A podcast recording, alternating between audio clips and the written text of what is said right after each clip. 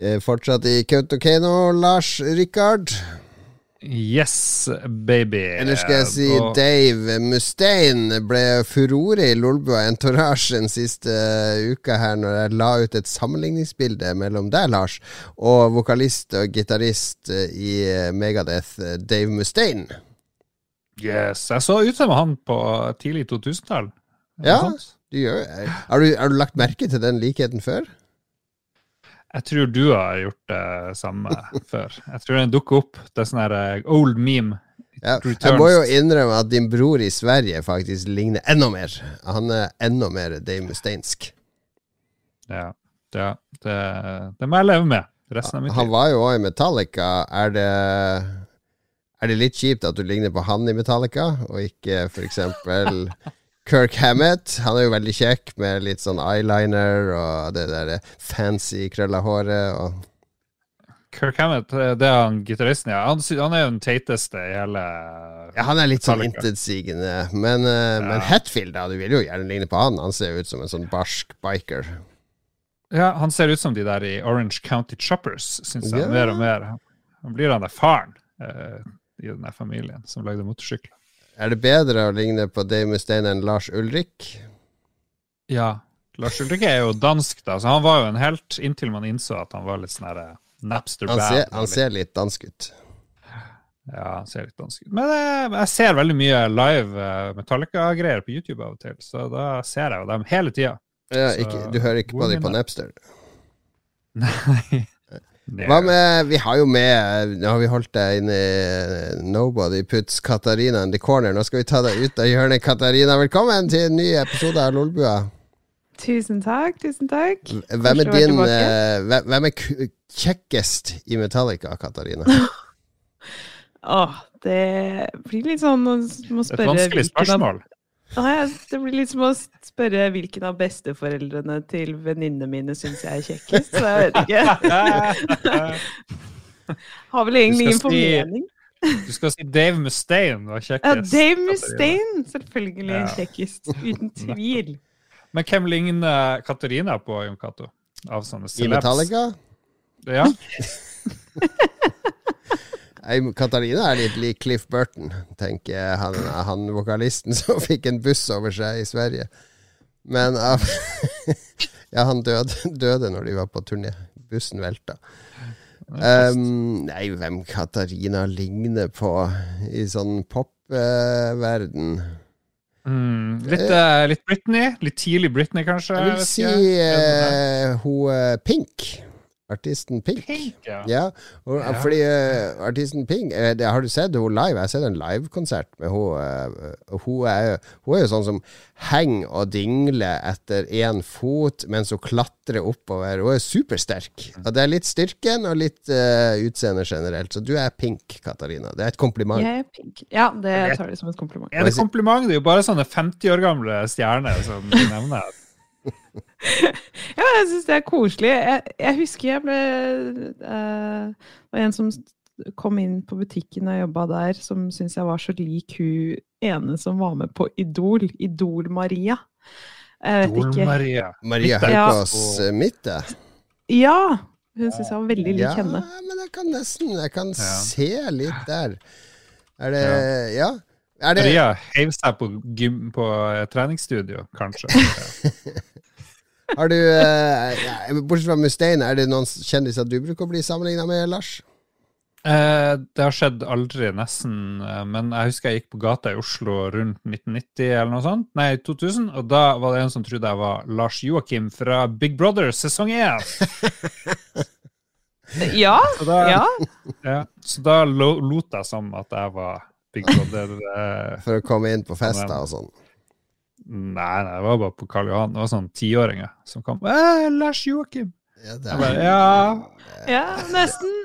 det er noe likhet. Nei, det eneste jeg har hørt, er han eh, Jon Øigarden, når jeg var yngre, og han Ja. eh, begynte å slå igjennom. Eh, Så er det jo han fra Hotell Cæsar. ja, også han der Troll og Loll blir jeg hele tida sammenligna med, av sånne der kids som har sett på Level Up. Ja ja, Ja. sånn kan det gå. Altså, vi trenger ikke sendeskjema. Vi, vi kan holde det Nå har vi holdt gående i 4 minutter og 50 sekunder bare på ren impro. Jeg vet andre podkaster de sitter med manus og så Nei, stopp, vi må ta det på nytt. Vi sa noe feil. Det skjer aldri i Lolbua. Vet du hva, vi har ikke klippet en episode på 20 episoder. Og det er ikke latskap, det er fordi vi er perfekte i utgangspunktet. Ja, det, det er helt enig i. Og så, jeg vet ikke om du fikk med deg det, men vi snakka i uh, Ragequit, ikke forrige ukes episode, men den før der, at eh, det er samme musikken har vært fem episoder på rad. det stemmer overhodet ikke. Det er dere som har hørt feil. Jeg har lastet, faktisk vært og lasta ned helt ny musikk til denne episoden, som Hei. eh, ligger på lur her. Det er musikk både fra eh, Tekken eh, kommer det nå, og det kommer musikk fra Pacman, det kommer musikk fra The Blob 2. Men det Eh, var en periode der det kun var de samme Commodore 64-låtene, var det ikke det? det, det eh, Min advokat Du kan sende, send en forespørsel til min advokat, så skal vi svare på det. Guilty. Ok, hva har skjedd i det siste, da? Lars fortsatt i Mm. Kautokeino, så da Det har vel ikke skjedd noe annet enn at en hund har bjeffa på deg, eller noe sånt. Jeg vet ikke hvor mye sånn der action det er der oppe. Det er masse action. Her er det Åssen går det med den hunden? Har du kasta stein etter den ennå, eller? Jeg har leita etter den. Vet du hva, jeg kjørte forbi noen andre hunder som sto og bjeffa til meg, og da Ja. drev jeg og viste fingeren mens jeg kjørte forbi hundene. Så brutalt er mitt hat mot de her eh, trasige bjeffehundene kommet. Er det mye bjeffehunder, føler jeg? De skal bjeffe hele tida der oppe. Ja.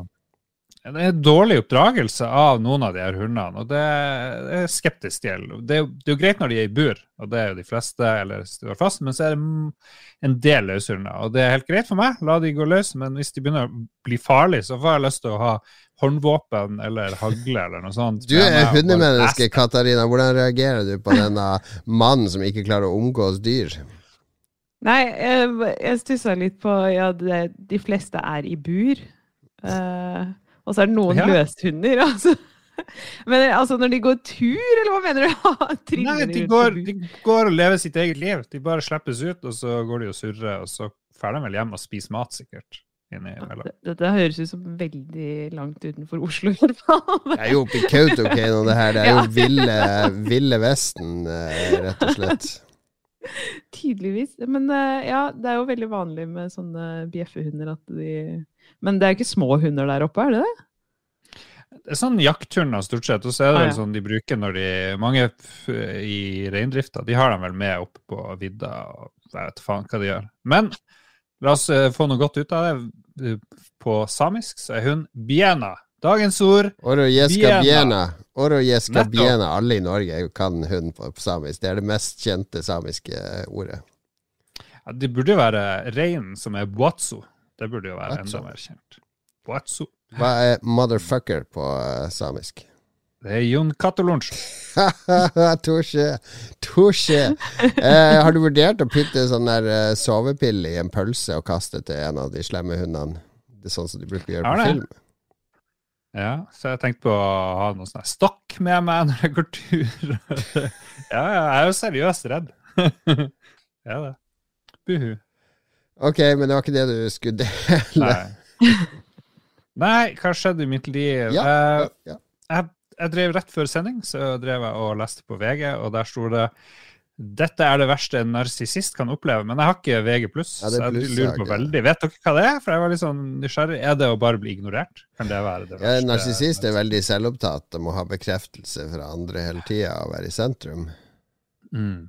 Så lurer på om vi kan spare folk for det VG pluss-abonnementet, eller akkurat den saken. da. Kan lese noe annet VG pluss. Hvem er den største narsissisten i Lolbua, vil du si? Eh, Det må være deg, eh, eventuelt Ja, du tenker Philip. at det er meg? Jeg, ikke, jeg tenker ikke Ja, på meg sjøl som en narsissist. Jeg tar mye plass i podkasten, men det er litt ansvar. med du begynte jo med at alle episodene våre er perfekte og sånt. Så jeg vet ikke, det er jo litt sånn her eh, Jeg kan ikke gjøre noe feil. Ja, men jeg, det er jo en perfeksjonist, ikke en narsissist. Ja, jo, jo. Nei, selvbilde Ja, du har kanskje litt sånn Du er jo litt den store kjendisen i Lolbua. Da blir man jo litt narsissist, sikkert. tenker jeg. Jeg vet ikke. Jeg vet ikke. Mm. Kom igjen, Nå tar jo ikke Jon Cato så veldig mye plass sånn, som person sånn ellers. Jeg syns han er veldig Han er altfor hyggelig og Ålreit å være sammen. Hør, hør, hør på smigringa. Nei, men nå må vi jo bare se på reaksjonen til Jon Cato på bekreftelsen, ikke sant? Jeg er hjelpsom, og så var det det eller Lars som kom og rigga opp mikrofon og PC og sånn hjemme hos deg, ikke sant? Ja. Lars kom bare Ja, hjem til deg og spiste fisketaco en gang. Det bare kom hjem og forsynte seg. Mens jeg kommer og, og hjelper til. Ja, Hvem var det som foreslo at Katarina skulle få PC? Ja, det, det var du. Det var du. Det er sant. Ingen av dere er narsissister. Ok, Hvem er den største narsissisten i Ragequit? Er det Dag Thomas? Han er i hvert fall veldig glad Han byr mye på seg sjøl, da. Ja. Jeg vil gått rett på Ståle der. Det er jo større diva. Det er vanskelig å finne. Ja, han har litt divatakter, står det. Ja. Jeg tror ikke Ja. narsissister har for vane å liksom poste bilder av avføringa si og sånn. Så jeg tror ikke Thomas Jeg tror ikke han kvalifiserer som narsissist. Det er noe annet, men det er ikke narsissist. Ok, men uh, var, det, var det alt du hadde, Lars? Eh, At du har lest, prøvd å lese VG pluss denne uka og sagt faen, det gidder jeg faen ikke å betale for. Du som jobber i media og vet viktigheten Ja, ja. av å kjøpe Jeg abonnement. støtter, jeg støtter det, men jeg, jeg vil ikke bruke penger på å lese hva narsissist gjør, når vi kan diskutere det. Ellers så har jeg rett før sending òg sett uh, et eller annet på NRK TV. Ja. Der gikk han Noobwork rundt og dumpsterdiva og leter etter mat gått ut på dato, eller mat som er kasta av butikker. Fordi det kastes én million bananer i uka, f.eks Ja. eh, som du kan bruke til alt mulig rart. Og vi kaster så mye mat. Og noen er jo fordi den er gått ut på dato og sånn dårlig, tror man. Mens andre ting er bare Det har feil form, ikke sant. Eh, Eplet ser ikke bra nok ut, det er helt topp. Eh, agurken ser ikke bra nok ut, gulrøttene ser ikke bra nok ut. Vi kaster sinnssykt mye greier. Så jeg lurer på om Lolbua burde ha et sånt prosjekt, gjøre verden bedre. Uh, og kaste mindre ting. Eller kanskje ikke vi skal ta denne saken, vi må, ta, vi må finne en bra sak som vi kan liksom stille oss bak. Uh, det fikk jeg lyst til. La oss uh, la, Lolbua må gjøre noe bra i 2022. Da må jeg bare si at jeg har en skummamelk i kjøleskapet som jeg fortsatt drikker av, som gikk ut eh, 15. januar. Å, fytti grisen, det hadde jeg aldri klart. Den smaker akkurat det samme. Men det er skummamelk, så det, jeg vet ikke om det hjelper at det er fettfritt. Jeg tror kanskje jo mer fettinnhold du har, jo verre blir det sånn Ja, det i forhold til utløpsdato. Jeg vil tro det. Altså Akkurat på melk så er det sånn at når jeg går i butikken og kjøper melk Hvis jeg ser den, denne melka går ut om syv dager, og så er det en litt lenger bak, og den går ut om 14 dager, da tar jeg den som går ut om 14 dager. For i Ja. hodet mitt så tenker jeg at den melka er ferskere og smaker bedre. Det er jo det er ikke sikkert du tar feil. Men Ja, men jeg, det, er, det fører jo til matsvinn, Fordi hvis alle gjør som meg, Ja. så blir alle de der med kortere utløpsdato De blir stående igjen, og så blir de kasta. Så jeg har litt dårlig samvittighet for det. Før så gikk melk og masse mat Det begynte bare å råtne og klumpa seg og ble grønn i mitt gamle kjøleskap. Nå har jeg et nytt kjøleskap som holder bra, ren, god temperatur. Nå, er, kan, nå kan jeg også drikke melk som er én uke over du har ikke vært i det kjøleskapet på to og en halv uke, Lars. Så jeg tør ikke å tenke på åssen det ser ut i det kjøleskapet ditt når du kommer hjem. Ja, det blir spennende. Det blir spennende. Ja, ja.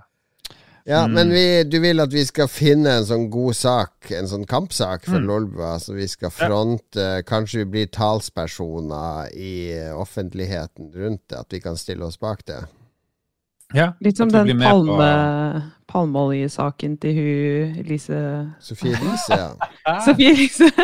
Sofie Elise, newsflash i Se og Hør i dag.no. Hun gikk rundt på Karl Johan, hånd i hånd med han uh, Isak. Hva han heter for noe? Norges tøffeste eh, et eller ja. Han som vant Norges eh, sterkeste. Tøffeste. De har jo vært kjærester lenge. Nei, har du det? Ja, de, De hang, i, de hang på Farmen. Ja, de var jo kjærester på Farmen. Var de kjærester på Farmen? Er ikke du Er det nyhetsredaktøren i hjembyen til Sofie Elise som i dag har oppdaga at Sofie Elise er sammen med Isak? Eh, Hvor mye sammen har de vært, Katarina Bergrue? Um, nei, de har jo vært sammen kjempelenge. Det er jo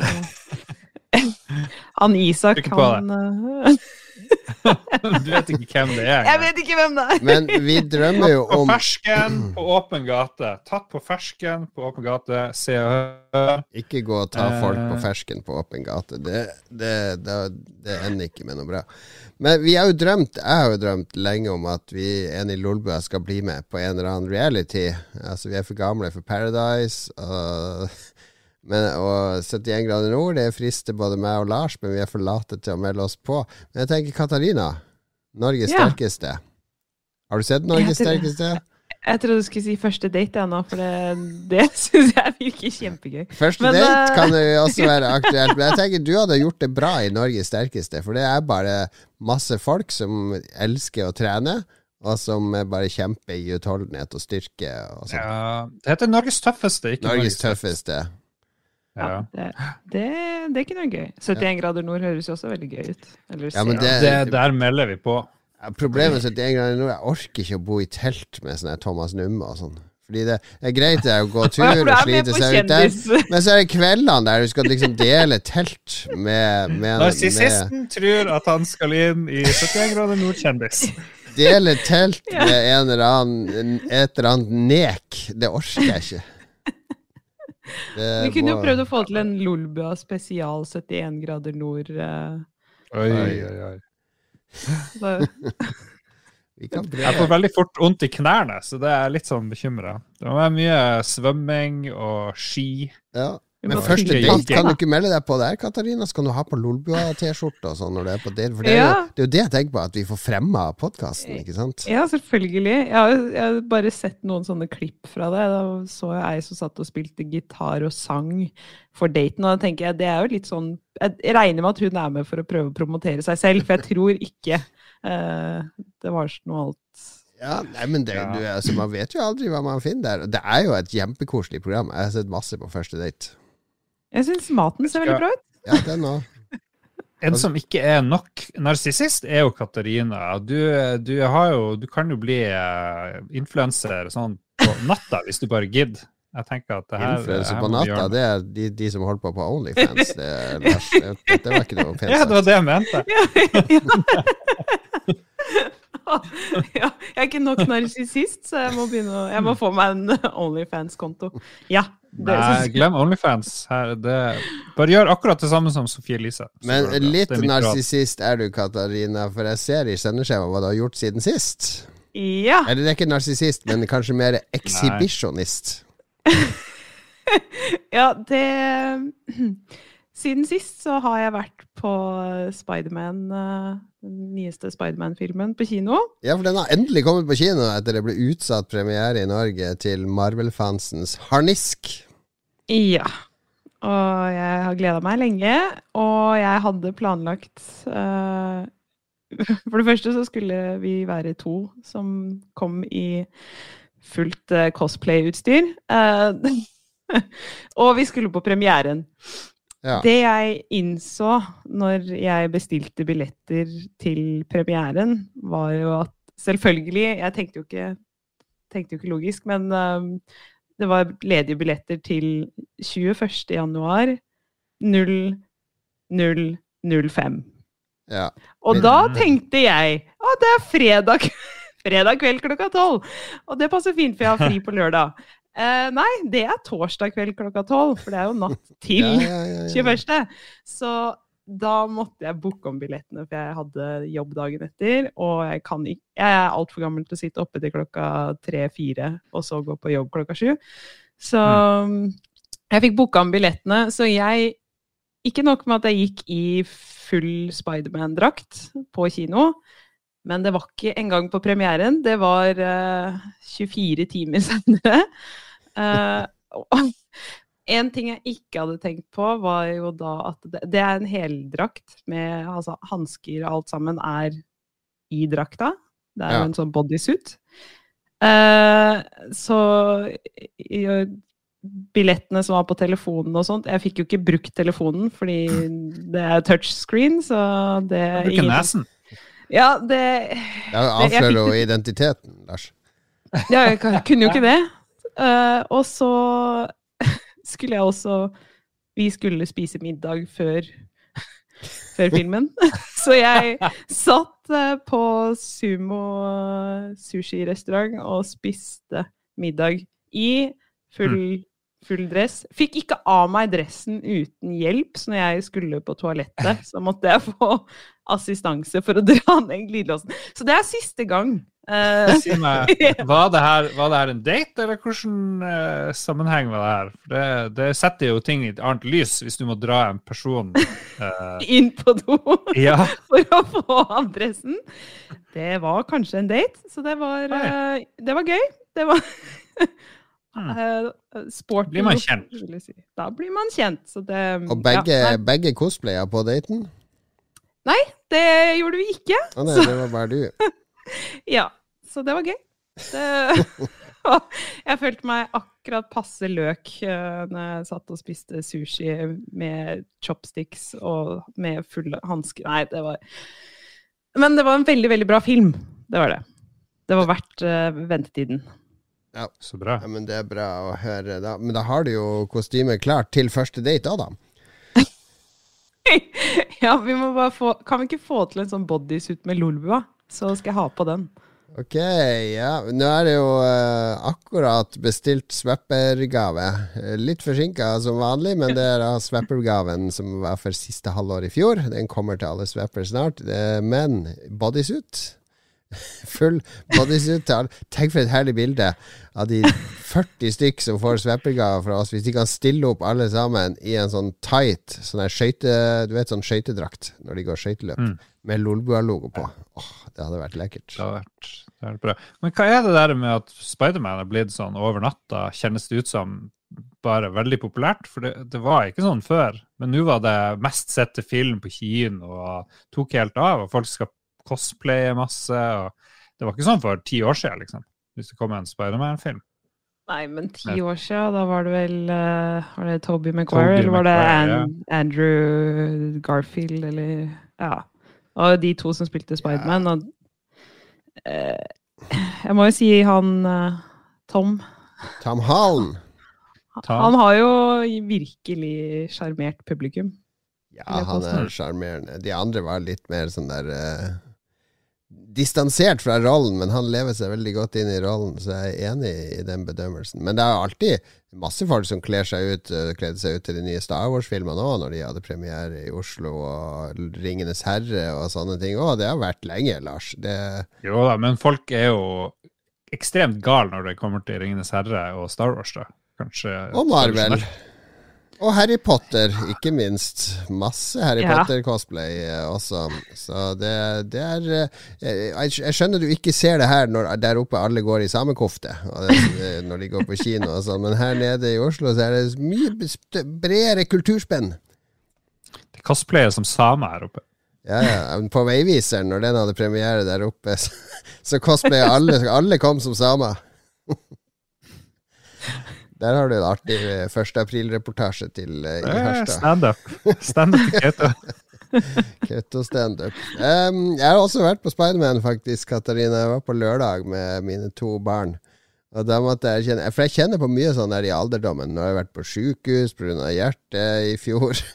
Og så har jeg jo um, Det er en del sånne der ting som ikke fungerer akkurat som det skal lenger. Uh, eksempel å urinere i vår alder, Lars. Det er ikke lenger sånn når du er 25 og har drukket fire øl, går ut og skal tisse i snøen, så er det bare sånn Sånn hageslange som spyler bort snøen. Nå er det mer sånn der en liten sånn bekk som sildrer ned.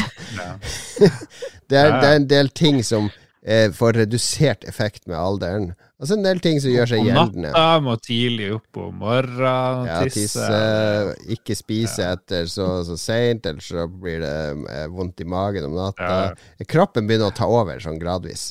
Og det merka jeg da jeg var på kino, fordi vi, vi, eh, vi prøvde å få bra plass. Jeg var litt seint ute med billetter, så på lørdag måtte vi dra tidlig. Så det var 11.00 på Saga. Og eh, da måtte jeg dra ungene opp av senga halv ti, få i dem litt mat, og så tok vi T-banen ned til kinoen. Og da hadde jo jeg spist frokost, drukket to glass melk, og så på kinoen så kjøpte jeg en eh, stor kaffe og en flaske Farris. Altså, jeg hadde jo vært på do. Jeg gikk på do rett ved kinoen, men så gikk jeg inn og satt meg. Og da er den ferdig, den melka fra frokosten er ferdig prosessert. Så sånn midt i filmen så er det sånn Yes, nå må jeg på do igjen.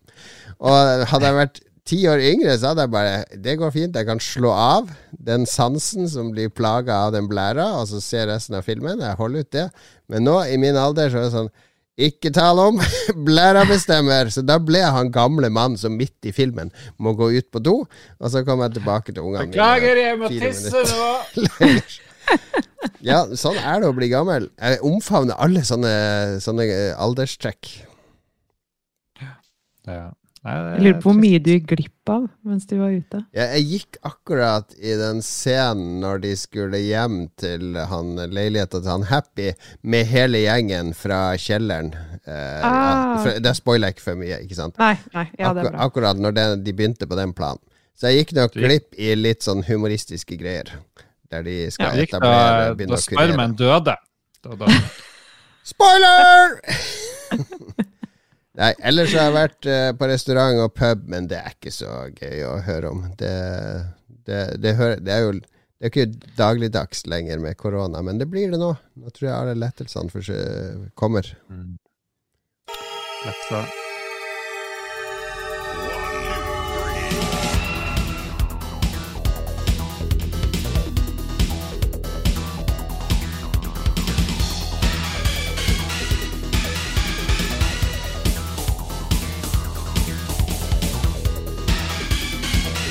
Det er toner fra Tekken 1 vi hører her, fra eh, en amerikansk storby. Hvilken amerikansk storby slåss vi i det første Tekken-spillet? Slåss du i um, Beijing? Gjør du. Amerikansk storby, Lars. Beijing, California. Svaret er feil. Har du et forslag, Katarina? Los Angeles. Er nok feil, det òg. Vi snakker selvfølgelig om Chicago! Jeg tror det var en P-Jack eller noe sånt som hadde jobb i Chicago. Hvis jeg husker rett. Hva har vi spilt i det siste? Jeg beklager på forhånd, jeg har feila, for mitt løfte var å spille et nytt eh, sånn indiespill hver uke, men denne uka så har det faktisk bare blitt. Escape from Tarkov. Eh, jeg trenger ikke å utbrodere noe mer. Jeg så på en sånn video av han Nikita. Eh, det er han som lager Tarkov, han som er sjefen for eh, studio og sånn. For jeg hadde hørt at han var litt sånn våpeninteressert. Tenker jeg, Det er sånn, litt sånn som Mats. Men nei da, han hadde jo bare eh, en kjeller full av alt som finnes av moderne skytevåpen. Og hver søndag, eh, hans hobby er å ta med seg tre-fire av de våpnene ut og skyte på skytebane. Akkurat som Katarina. Kjeller med våpen, det husker jeg godt. Hysj. Og Katarina, Ja. du har spilt Destiny 2. Ja, det har jeg. Jeg Herregud. havna helt på kjøret igjen, så nå forbereder Er du på til PC nå, eller er du fortsatt på konsoll? Jeg er fortsatt på konsoll. Ja. Ja. Uh, så jeg har begynt å gjøre meg klar til uh, Witch Queen. Ja, for nå kommer heksa. Ja. Som dropper nå i februar. Så ja, jeg er helt uh, relapse på det. Så nå har jeg Hvert ledige minutt blir brukt på Destiny 2. Er Jeg hadde hevet meg på PC hvis jeg hadde vært der. Jeg blir så irritert over den her field of view-en, eller har jeg gjort noe med det? For det er litt sånn Du ser så lite. Da jeg hev meg på PlayStation 5 og skulle prøve Destiny her, og så bare tenkte jeg jeg ser jo ingenting. Alt så litt sånn shitty ut, syns jeg. Ser så skittig ut. OK, glem det. Ja. Glem det. Glem det. Hva er det man må gjøre før Witch Queen kommer? For jeg, jeg prøvde og tenkte at kanskje jeg skal gjøre meg klar til Witch Queen jeg òg. Jeg klarer ikke å rive meg løs fra Tarkov. Og så så jeg noen sånne videoer dette bør du gjøre før Witch Queen. Og det er jo bare en sånn evighetsliste med få tak i disse exotics, gjør dette, dette kommer til å forsvinne, så pass på at du gjør dette, osv. Ja, for alt fra Forsaken forsvinner, blir Ja. jo lagt i Vault. Så da Og Tangled Shore forsvinner. Ja. Hele stedet. Uh, så jeg har vel egentlig bare For jeg har, tok jo en sånn liten toårspause fra Destiny, så jeg har bare fått prøvd å spille gjennom alt, alt jeg kan nå, egentlig. Fra start. Du driver ikke og grinder målretta for å få god rolls på de riktige våpnene. Nei, eh, jeg har ble nettopp ferdig med med en kampanje nå i her om dagen. Det var jo 53 quests. Det var sånn Questline, så jeg tenkte ok, det her må jeg i hvert fall få gjort. Ja. Og det fikk jeg. Ja. Så nei, så det var eh, det er, Jeg syns jo det er kjempegøy fortsatt. Jeg, nå, jeg har begynt å spille igjen nå og liksom satt meg inn i det igjen eh, For det, er det jeg prøvde å ta begynne igjen for en stund siden, og da var det sånn veldig overveldende hvor mye nytt som har blitt lagt til, og alt som skal gjøres og sånt nå. Men eh, nå, nå er jeg litt inne i det igjen, og da Ja, nå er det vanskelig å legge det vekk. Har du raida, da? Jeg har ikke raida ennå. Ja. Eh, Jeg har heller ikke tatt, eh, jeg har heller ikke tatt dungeons, så jeg skal få hjelp av uh, Mudenia. Uh, Ja. All right. Vegard. Ja, til dungeons i hvert fall, så må jeg i hvert fall prøve å kanskje få gjort et raid. Mm. Det blir bra. Min sønn på 20 er jo selvfølgelig Han er klar for Witch Queen. Har tre karakterer på maks level. Og har gjort alt som skal til, og er nå med i De har raid-party. Så første uka deres raidet kommer jo ikke før en uke etter det. Første uka går jo med til å komme seg så høyt opp som mulig og få så bra utstyr som mulig, sånn at man De skal gå inn i raidet blindt sammen med resten av verden og konkurrere om å bli ferdig først. åh, så gøy. Jeg kjente jeg vil heller på rave-party i stedet for raid-party. Du som ikke liker hunder som bjeffer, du har ikke lyst til å dra på På raveparty er det mye hunder på Måtte rave-party. du ta en telefon, Katarina? Det må jeg. Yeah. Oh, shit. la oss høre. Hei. Yep. Uh, ok. Ok. Bye. Var det telefon? Nei, den kommer nå. Kommer det? Ok, nå er vi klar.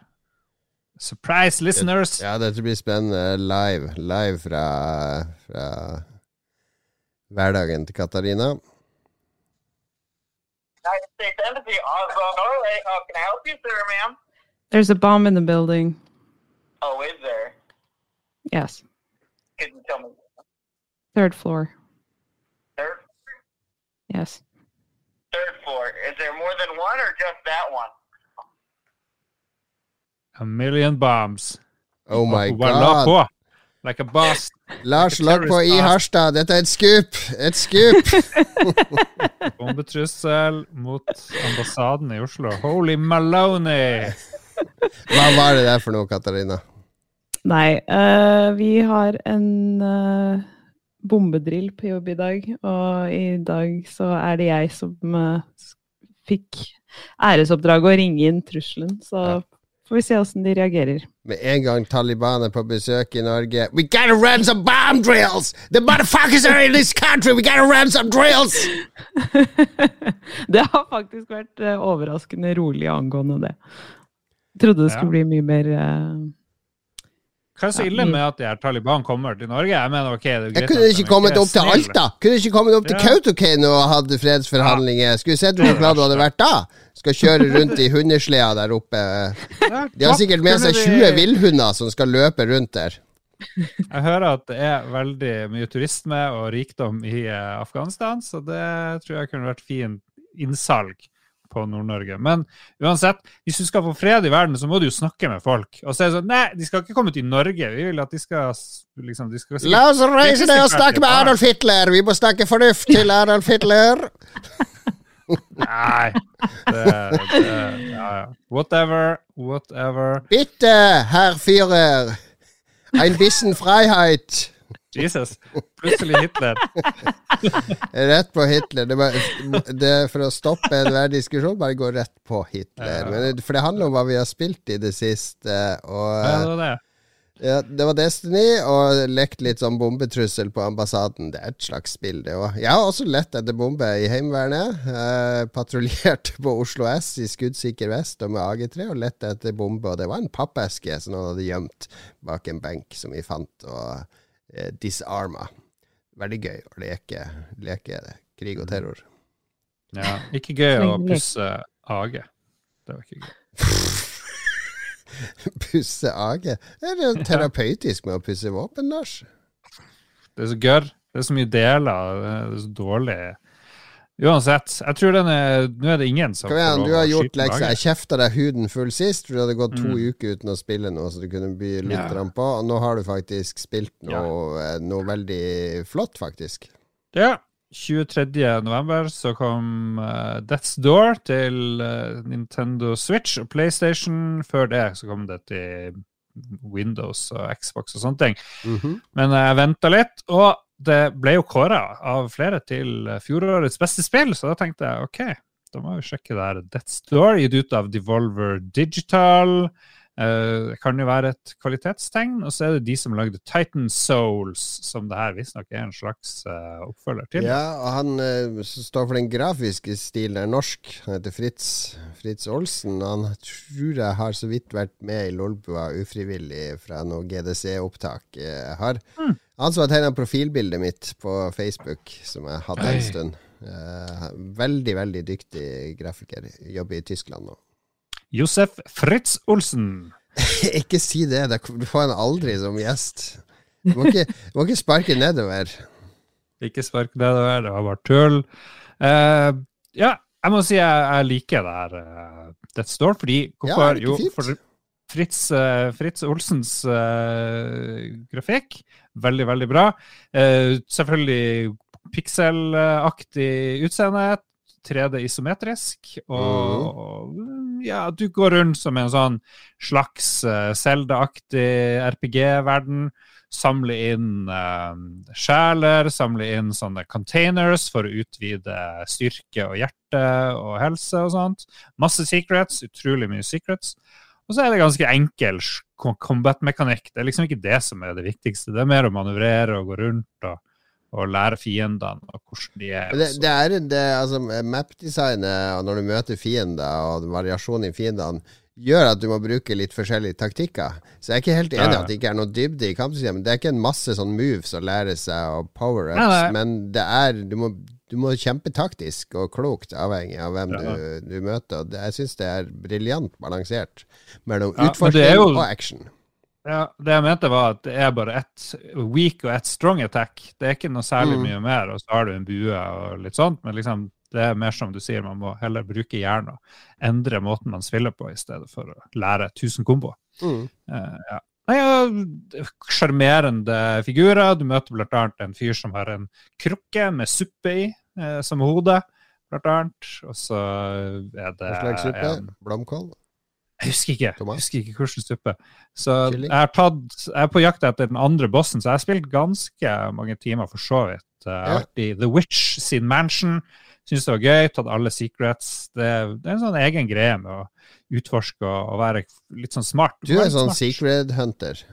Ja, Absolutt. Jeg er jo mer sånn 100 %-spiller. Det gjør at jeg, ja, det gjør jo at jeg Er fullfører. er du enten eller? Enten 100% eller 5 minutter. Det, alt imellom der, det duger ikke. Ja, stort sett. Men nå er- lyver jeg jo, for det jo, jeg bruk, går jo lei til slutt. Og så kan det hende jeg fullfører spillet. Jeg fullførte det forrige spillet jeg prøvde òg, der uh, Solar Ash. Det var Det er bare retroaktivt. Wordle, var det forrige du spilte. ja. ja, men Wordle er bra. Wordle er bra. Uansett, det står kjempe, kjempefint. Ja, det er det. Jeg, jeg stiller meg bak det. Det er et av de fineste indiespillene som kom i fjor. Vant noen priser òg. Det, Er det nok til å rive meg vekk fra Tarkov akkurat nå? Uh, nei. Er det nok til å rive Katarina vekk fra Destiny? Nei. Nei. Men vi anbefaler det. Yo.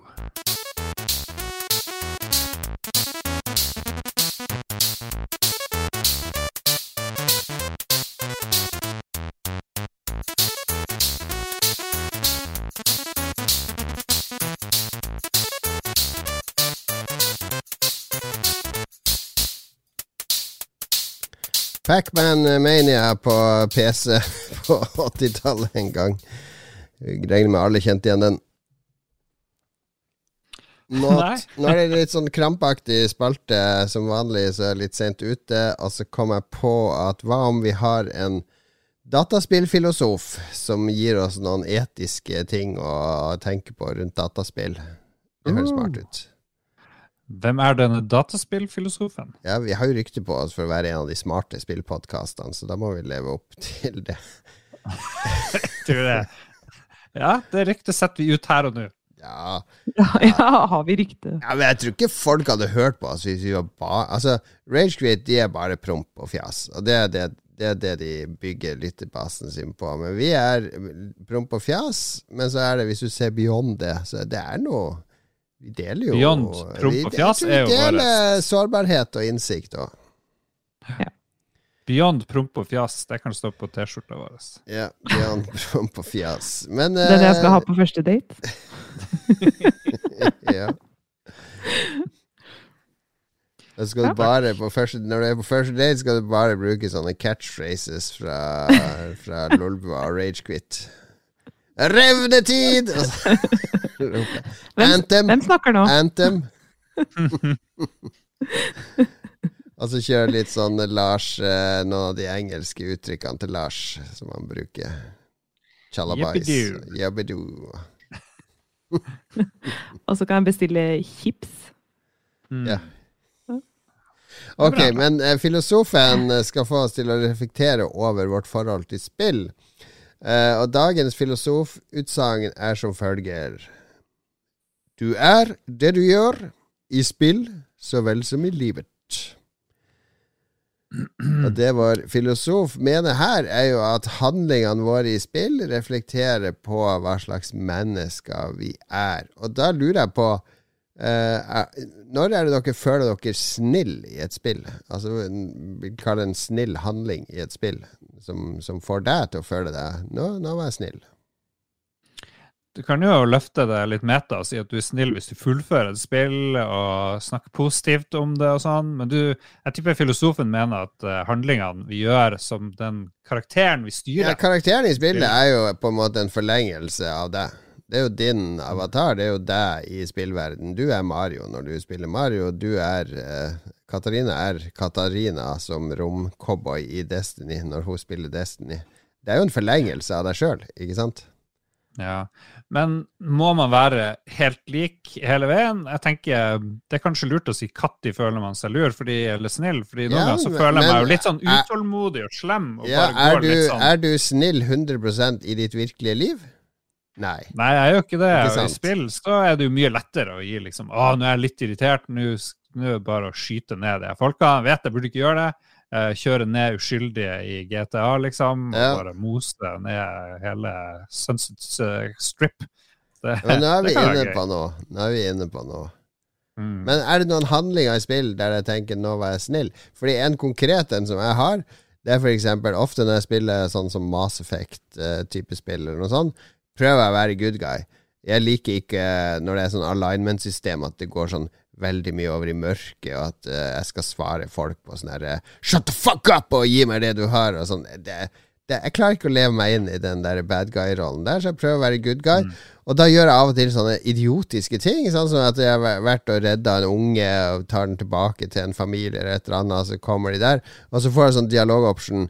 Jeg kan si eh, De sier sånn 'Å ja, vi må betale deg, snille herre'. Så kan jeg si sånn herre 'Nei, det går bra. At dere er lykkelige, er betaling nok.' Eller jeg kan velge 'Ja, litt penger hadde vært fint'. Eller jeg kan velge 'Dette bør jeg sannelig få godt betalt for'. Og, da velger jeg, som den snille idioten jeg er, sånn herre Nei, nei, nei, jeg trenger ikke penger. Jeg trenger jo egentlig penger. Jeg vil jo ha penger til å oppgradere utstyr og sånn. Men allikevel så får det meg til å føle meg snill og velge at jeg sier nei til en virtual currency. Det er ingen konsekvenser i det hele tatt. Kanskje bitte litt mer alignment Ja. for det, eller noe sånt, men det er, det er et eller annet som gjør at jeg, jeg takker Jeg har- nei til penger. Jeg har en innsigelse her. Jeg skjønner jo hva du mener. Du takker nei, og det, det hadde ikke hatt noe å si. Men vet du hva? Mye av det du gjør for å være snill i det virkelige liv, har heller ingenting å si, tror jeg. Du trenger ikke si Jo, for til folk folk du handler hos på butikken Nei, men da påvirker si, ekte mennesker sitt liv. si, liv. Skyt Jo, det påvirker jo Det ekte si mennesker. deg. Ja, ja, det påvirker et ekte menneske, men det påvirker det, ikke deg. Nei, men i et spill eh, så påvirker jo ikke et ekte menneske. Det er jo, det er jo software jeg sitter og interagerer med. Ja, men hva om alle, og hva om vi lever i Uh, ja, de eh, trenger ikke å dra den. De, Katarina, kjenner du deg noe igjen i det jeg sier? Ja, fordi eh, da har jeg et eksempel. Jeg spilte um, jeg vet ikke om, Er det noen av dere som har spilt Infamous? Ja. Ja. Ja. Og der så spilte jeg gjennom eh, storyen første gangen. Og da kan du jo velge Der er det veldig Der er det god karma eller ond karma. Ja. Og da er du veldig sånn bestemt på at de valgene du tar, de leder deg enten ene veien eller andre veien. Mm. Og jeg spilte gjennom en gang på god, og så tenkte jeg nå skal jeg spille gjennom en gang på ond, for å få liksom ond karma.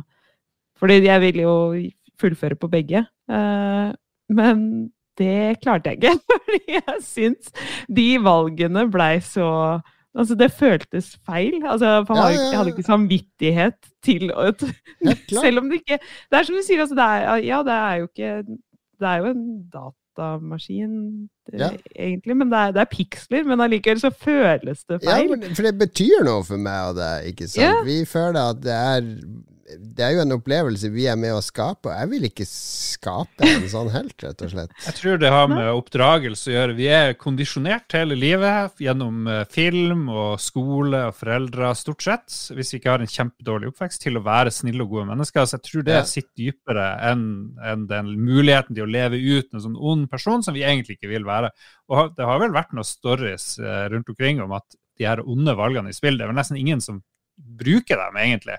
Det er mer en sånn illusjon at du kanskje, kanskje du føler deg ekstra snill når du vet Ja, de er for gutta mellom eh, 13 og 15 som tror de Nå skal jeg være så edgy, jeg er i opprør, og jeg er Mr. Bad, Mr. Emo. Altså, men den fasen går over. Men er det ikke, da kan det jo være man spørre seg sjøl hvorfor velger man å ha to sånne muligheter når det er nesten ingen som gjør det. Men jeg tror at det å ha muligheten gjør at du føler deg som et bedre menneske, og du får noe ekstra ut er av det riktig. når du vet Det er at du kunne gjort feil. Fordi du aktivt velger å være god, ikke sant? Eh, Hvis du bare blir tvungen til å være god hele tida, så blir det litt sånn ah, det, det, det er ikke ditt valg. Det er et godt poeng. Herregud, for en bra spalte det her ble. Så tror jeg man kan på ordentlig kanskje separere psykopater, eh, som nå ikke heter psykopater, men alle de som gjør de her kjipe valgene i spill. Du kan sikkert lett finne de bare ved å eh, overvåke folk som gamer. Ok, han gjør kun onde valg i spill. Han der der Ja. eh, bare, han må jo bare bure inne eller følge ekstra godt med. Der har vi et eksempel fra en venn av oss, han, eh, han Vidar, som er med på hytteturen hvert år. Han var veldig glad i GTA San Andreas. Han er sånn han blir glad i et spill, så spiller han bare det i et år. Han spilte GTA San Andreas som, som den sandkassa det var. Og jeg husker han sa en gang det var en lørdag, han spilte, hadde funnet sånn sniperrifle og tonn med ammo og for opp på et sånt tak og begynte å skyte folk i hodet. Og så ble det mer og mer stjerner. Til slutt var det sånn seks stjerner, men han funnet ut på det taket. Politiet fikk ikke tak i han der, for de kom seg ikke opp, og det helikopteret ble sperra av en bygning og sånn. Så han bare fortsatte å skyte folk. Og så sa han Men sånn, etter to timer så begynte jeg å tenke, hva faen er det du egentlig holder på med? Altså, du sitter her inne i sola, sola skinner ute, og jeg sitter og sky, bare skyter folk i hodet fordi jeg kjeder meg. Hva er egentlig Hva er, hva er grunnen til at jeg gjør Hva er grunnen? Hvorfor gir dette meg glede? Ja, jeg tenker òg at eh, når du spiller horrorspill, f.eks., opplever grusomme ting, sånn som Katarina, du liker jo å bevege deg og se helt sånne forferdelige ting som ingen ville gjort på ordentlig. Det, er jo kanskje noe der òg, at du kan oppleve forferdelige ting i trygge rammer, da, på et vis. eh, Og kanskje får utløp for noen sånne usunne ting Ja. som du ellers ville gjort på ordentlig. Eh, Ja, det, det har jeg ikke tenkt på, men, men eh, ja, det er jo den følelsen av at eh, det, det er jo noe i det du sier. Det er den følelsen at det her er veldig veldig skummelt, men hvis du tar av deg headset og så ser deg rundt, så sitter du jo i din egen leilighet, og det er egentlig veldig trygt. Mm. Så kanskje livet mitt ikke har vært spennende nok til at Jeg har ikke opplevd nok fælt, så jeg må oppleve det virtuelt. Ja, nei da, det, jeg, jeg trakter mot det samme, og horror eh, tiltrekker meg. Fordi det, det er en sånn overdose av følelser i det, som, jeg- Ja. som, som er sterkt. Eh, Adrenalin. Ja, ja, adrenalin. Men har vi noen gang følt oss slem i noe spill? Eh, kanskje vi skal utvide det til multiplayerspill? Eh, fordi da er det plutselig interagerende med andre mennesker. Eh, har, har dere gjort noe slemt i multiplayerspill som har jo ført til at jeg i ettertid bare pff, Jeg angrer på at jeg gjorde det og det. Hmm. Sånne horrorgreier. Du har sånne spill asynkrone hvor det er en skurk, et monster f.eks., og så har du fire snille. Og så det koster oss jo ingenting å være den der skumle fyren som skal fære og slashe opp noen eh, hele tida, fordi reglene tillater det. mens hvis ikke reglene var der, så ville vi jo virka som helt psykopater hvis det bare var en sånn eh, Second Life-setting hvor man tilfeldigvis også kunne Ja, men hvor er du nå? Er dette noe du har opplevd, Lars? Jeg spør Nei, om fra ditt gamingliv. filosoferer rundt hva, hvor, langt kan hvor, ond kan For å man være? i illustrere, når du har spilt multiplayer med Ståle, og han skyter deg i beinet, at du sier 'slutt med det', og så gjør han det en gang til litt seinere, og så blir du skikkelig Ja. sur. Er- Da er jo Ståle litt slem med deg, ikke sant? Det er jo Du vil si at er jo det. Ja. Det er ganske morsomt for mange, og så innser man jo at det her er litt morsomt, men så er det helt forferdelig når det skjer med deg. Det er jo sånn mobbing, da. ja, det er mobbing i spill. Mm. Ja, ja. Jeg, husker, jeg, jeg har en nylig opplevelse, nemlig. Det er derfor jeg tok med det der med å føle seg slem i spill. Fordi, og det var i Escape from Tarkov. Vi slipper ikke unna det, men jeg, var, jeg hadde spå... Du kan enten være Scav eller PMC. Og PMC er hovedfiguren din. Der mister du alt når du dør. Og Scav er bare sånn røver som du spåner med random utstyr og bare kan prøve å overleve. Så jeg var en Scav og drev og løp rundt, og så møtte jeg en PMC ved sånn helikopter. Og han hadde ikke så mye utstyr, men jeg så han var var og hadde litt dårlig våpen. Fordi man kan snakke med hverandre nå, det er voice-IP i det spillet. Så han bare 'hello'. Jeg hørte han var svensk òg, så jeg bare 'Hey, how are you?' Altså, 'Yeah, just uh, Just looting'. Og jeg bare 'Me too'. Og så løp han sin vei opp en sånn ås, for han så at jeg hadde jo mye bedre våpen enn han. Og da så jeg når han løp, for jeg trodde først han var en skev, han òg. Vi dreper ikke hverandre, vi skevs. Der får vi negativ karma. Men jeg hadde han sånn armbånd, og det er det bare PMC-er som har. Så bare ah, han er en PMC, tenkte jeg. Så får jeg luta litt og tenkte Man var jo litt hyggelig og sånn, men vet du hva, jeg får masse Masse karma av å drepe PMC-er. Så da gikk jeg opp på det fjellet, og han sto og gjemte seg bak da han skulle vente til jeg hadde gått, for han var nervøs for å bli drept. For han hadde ikke noe bra utstyr. Og så kom jeg opp på det fjellet, og så begynte jeg skyte på det, så jeg bare sånn Hey, what the fuck, man? What are you doing? og så bare fortsette å skyte. og han bare Fuck you, man! Ah! Og så dør han. så jeg var liksom veldig vennlig med han først, så, men han var litt sånn nervøs, stolte ikke helt på meg, og så viste det seg at han gjorde rett i å ikke stole på meg. Og da følte jeg meg ganske skitt. Han stakkars svensken. Da følte jeg meg litt skitt, men også litt glad. Why are you killing me? Ja, det it! var litt Det var akkurat sånn Du hører så tydelig når de er svenske.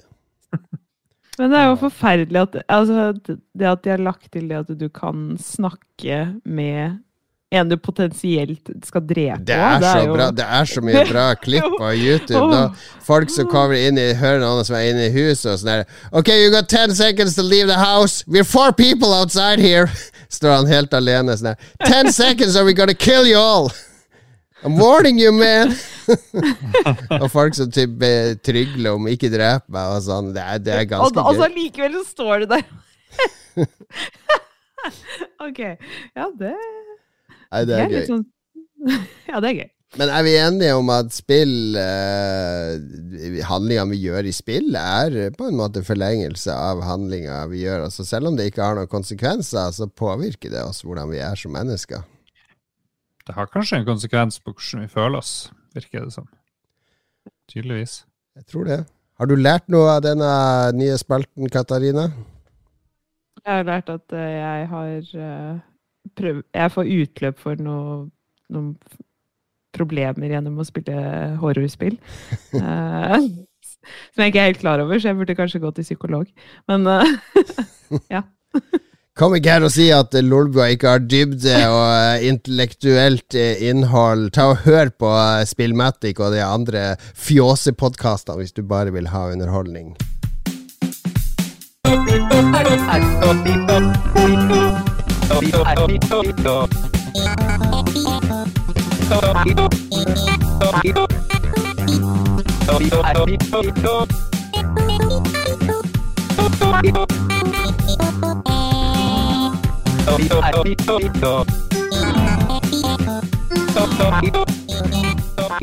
En litt eh, spesiell coverversjon av eh, Mario-musikk der, rett og slett. Ja. Skulle gjerne hatt noe jazz etter at du utropte oss som en sånn intellektuell høyborg i en Ja, men spillpodkast. A cappella er, er jazz sin, eh, sin bastardstebror. Ja, jeg er enig. Det skal anbefales ting. Nå håper jeg vi har noe intellektuelt å anbefale. Vi kan jo begynne med Lars. Hva slags eh, Er det Dostojevskij? Skal vi til Øst-Europa? Hvilket århundre er anbefalinga fra, fra nå? Beatpoesien hadde jo sine røtter i tidlig Nei, vet ikke hva? Jeg skal anbefale TV-serien Peacemaker med John Cena. Er det, jeg trodde det var med han Åge Steen Nilsen og Vigvam. Det var det Ja. eneste jeg har hørt om den serien, er norsk media er helt besatt av Hva?! Det er en norsk låt i introen på en amerikansk TV-serie! Det er ganske artig intro, og den låten er jo helt ok, men uh, de har lagt sånn dansenummer. Alle som er involvert i serien, har sånn her uh, litt sånn eh, videregående skole-dansenummer som ser ganske keitete ut, men det er veldig, veldig morsomt Ja. og originalt. Så eh, jeg vet ikke om dere har sett den der eh, Suicide Squad, den andre Suicide Squad? Ja, den var ganske artig. Ja. Ja, Ganske så det fortsetter akkurat der det slutta. John Sine havner på sykehus, eh, våkner opp, prøver å stikke av, for han er jo egentlig i fengsel. Ja. Og sånn. Og han har den der idiotiske hjelmen sin, som ser ganske teit ut. Den må han bruke, den må han gi til taxisjåføren, for han har ikke noe penger. og sånn. Så det går ganske fort nedover med han Ja. stakkars eh, John Sina. Så han havner i en sånn her eh, gruppe med misfits, og det er faktisk veldig veldig morsomt, eh, hvis du likte. Eh, sånn som eh, Suicide Squad og For det er, det er James Gunn som lagde første Guardians of the Galaxy, som også Ja. lagde den Suicide Squad. Og han har, eh, han har en kul eh, approach med de superheltgreiene. Og han er også involvert Mm. i serien, så vidt jeg skjønner. Han har en testikkel involvert uh, i serien, som Ja. de sier. Jeg vet ikke helt om det er den høyre eller venstre eller foran eller bak, eller hvordan man skiller mellom de to testiklene. Det er Vil du si at denne er Det er mye superheltting nå. Er denne mer i superheltserielandskapet Loke og Hawkeye, eller er den mer i The Boys, som er på Amazon? Mm, er kanskje mer The Boys, eh, litt mer eh, useriøst. For det, jeg syns det er eh, Marvel-TV-seriene er så seriøse og selvopptatt. Eller de liksom skal være litt for seriøse. Har ikke nok humor. Nå er. Marvel-eksperten Katarina, hva sier du til dette angrepet? Nå tar jeg Fredrik Solvang på meg. Du hører han sier det. Useriøst. Eh, selvopptatt. Stemmer dette, Katarina? Da må jeg si meg helt uenig. Jeg syns Jeg har ikke sett så mye Hawkeye. Sånn som det der WandaVision. Utrolig pompøse greier. Det her er, det her er det motsatte av det, vil jeg si. Den Loki-serien er jo kjempegøy. Ja, er den det? Ja, kanskje. Jeg har bare sett litt. Beklager alle og Katarina. Men uh, Peacemaker, kjempeartig. John Cena, perfekt som sånn derre uh, comedic, uh, ufrivillig komisk eh, mann. Tror han er kul, er ikke så veldig kul. John Cena, The Warrior Princess. Ja, stemmer det. Ok, Katarina, hva er din anbefaling? Ja, nå Etter at vi hadde den uh, veldig dype intellektuelle samtalen om hva som er feil med meg angående når det kommer til horrorspill og sånn, så angrer jeg litt på så, Å så, nei! angrer, så angrer jeg litt på min dagens anbefaling. For det er uh, Archive 81, eh, som er på Netflix nå. Ja, det så, det så litt interessant ut. Ja, det er jo en eh, Det er en horrorserie. Thriller-grøsseserie. Hold i gang, jeg må løpe og ta imot noe. Oi. Ja. Ja. Nå kommer stripperne. Eller bombetrussel. Han skal gå og hente bomba, han nå. Uh, nei, det, og den serien Ingen skuespillere som jeg har noe kjennskap til fra før, Mhm. så vidt jeg Ja. Men den var uh, veldig uh, Uten å spoile så mye, så handler det om en eh, fyr som er flink til å res restaurere gamle videokassetter og sånt noe. Så han eh, får en jobb hvor han skal um, restaurere masse opptak. Aha. Eh, og han, det må han gjøre fra en sånn type En uh, kjelleraktig, veldig creepy plass. Og Hvorfor det? Ja, det- Dårlig HMS. Veldig dårlig HMS. Og sånn utover i Han ser jo på alle disse kassettene, og det er jo da en kvinne som har filma uh, fra et uh, Ja, fra 1994. Eh, og fra et bygg som har brent ned. Um, som hun da bodde i før det brant ned, og så er det liksom henne når hun bor der, og ting som skjer i det bygget. Og det blir gradvis ganske Det er ganske uh, veldig artig konsept. Jeg egentlig ikke, kan ikke sammenligne det sånn veldig med noe jeg har sett før. Så, og det er Sett på en podkast, ser jeg. Ja, altså det er en, eh, det er en podkast Jeg tror det er en sånn horrorpodkast-greie. Ja, altså han som Kompisen til han der som sitter og restaurerer, han har en pod, eh, podkast òg, da, som mm. liksom Han til slutt hjelper han til å dokumentere litt og sånt, men uh, jeg kan ikke si for mye uten at det spoiler veldig mye. Men den, den er Ja. absolutt verdt å se. Uh, bra skuespillere som jeg aldri har hørt om før, og litt sånn derre Mm. Ikke noe sånn derre hopp eh, hopp og skvett-skrekk, men mer sånn derre litt sånn derre eerie følelse når du sitter og ser Ja. på at Ja, det er litt, det er litt sånn creepy. Ok. Det var ikke meninga å si at det var noe galt med deg, Katrine. Nei, jeg vet Jeg vet det. Jeg ble bare Jeg sto fast der, jeg. Ja. Jeg bare, å nei. Hva var det du sa om den serien? Ja, nei. Drit i det. Men du skal anbefale noe. Nei, det, nei, jeg vet det. Jeg tar meg ikke det. Men eh, du har jo kanskje et poeng i det du sier, at eh, man prøver jo kanskje å oppleve ting gjennom spill som du kanskje ikke så, Ja, det er jo ja. mange, mange av de spillene som man syns er gøy å spille, er jo kanskje fordi man tiltrekkes av en viss ting.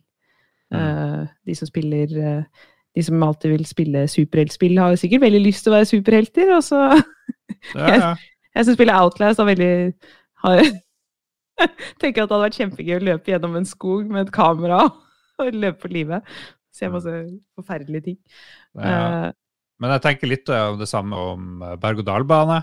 Da kan du oppleve noe kjempe, kjempeskummelt, men det er egentlig helt trygt. Eh, ja, men det kan jeg ikke. Jeg kan ikke ta berg-og-dal-bane, og det tror jeg er uh, Det som er fordelen når jeg spiller et skrekkspill, da har jeg full kontroll, selv om det er jo ganske skummelt, da. Mens med en berg-og-dal-bane, den kan jeg ikke kontrollere i det hele tatt, og det får jeg et problem med. Ok. Jo, Katta, Så- da er vi ferdig med to anbefalinger. Vi bare driver og trår vann. Desperat. Nei, men var uh, Porterbuddy, som jeg har vært så fornøyd med tidligere, de eh, skulle levere noe greier til sønnen min.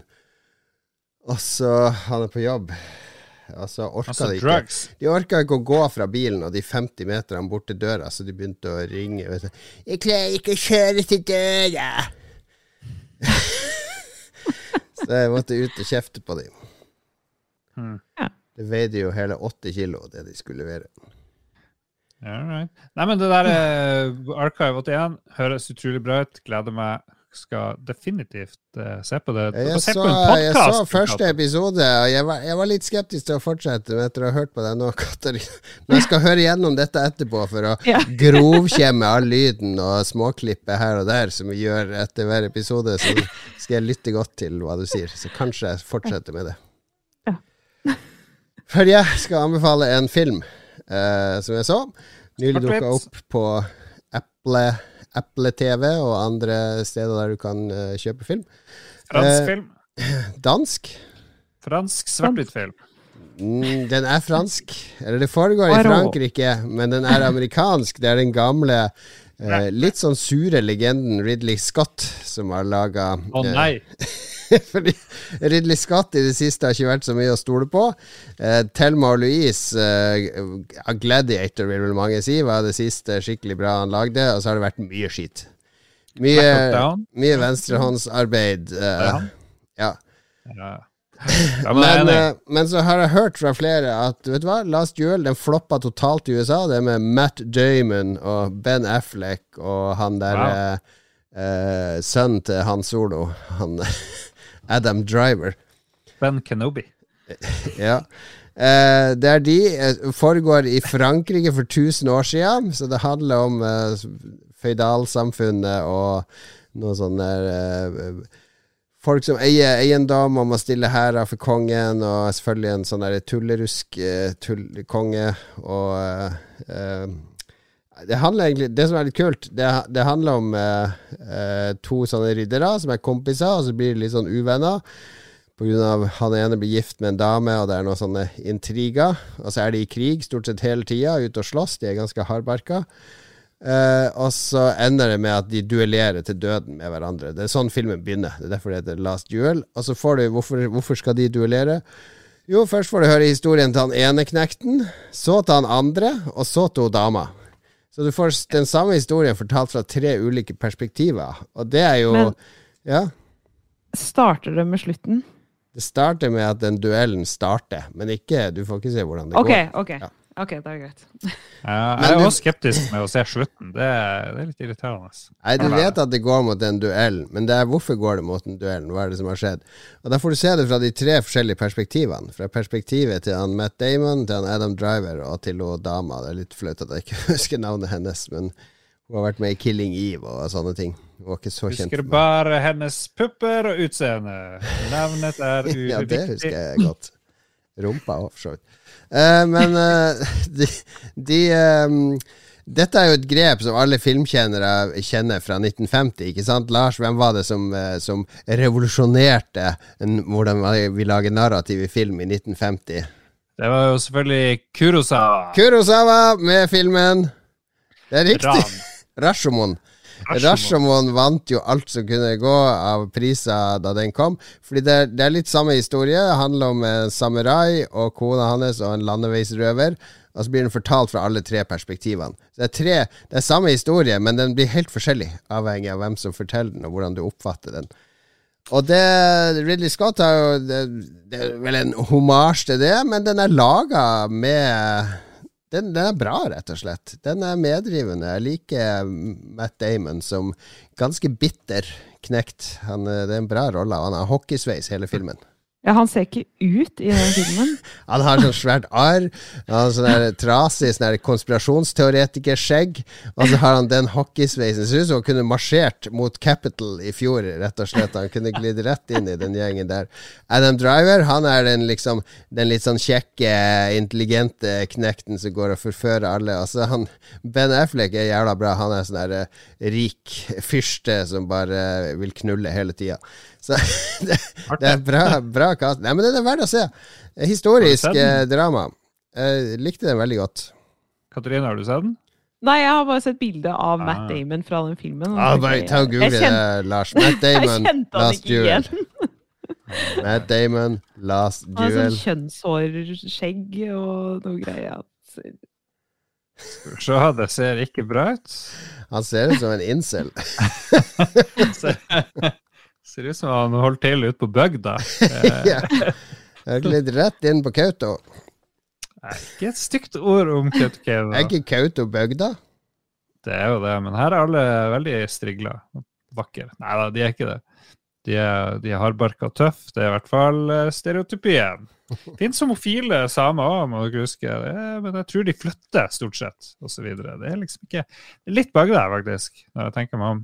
Homofile samer, er de med i Hamas? Er det det som er forbundet? Nei, da- Nå ble det veldig flassete, Men eh, Og vi som har vært så Ja, intellektuelle homo, i hele same, same. Ok, Ja, ja. men uh, Last Ja. Duel Jeg anbefaler den varmt. Eh, jeg, jeg ble veldig positivt overrasket. Jeg trodde den skulle være ok bra, eh, fra det jeg hadde hørt. Altså, eh, jeg har gått og tenkt masse på den etterpå. Veldig bra laga. Bra anbefaling. Nå skal vi høre musikk.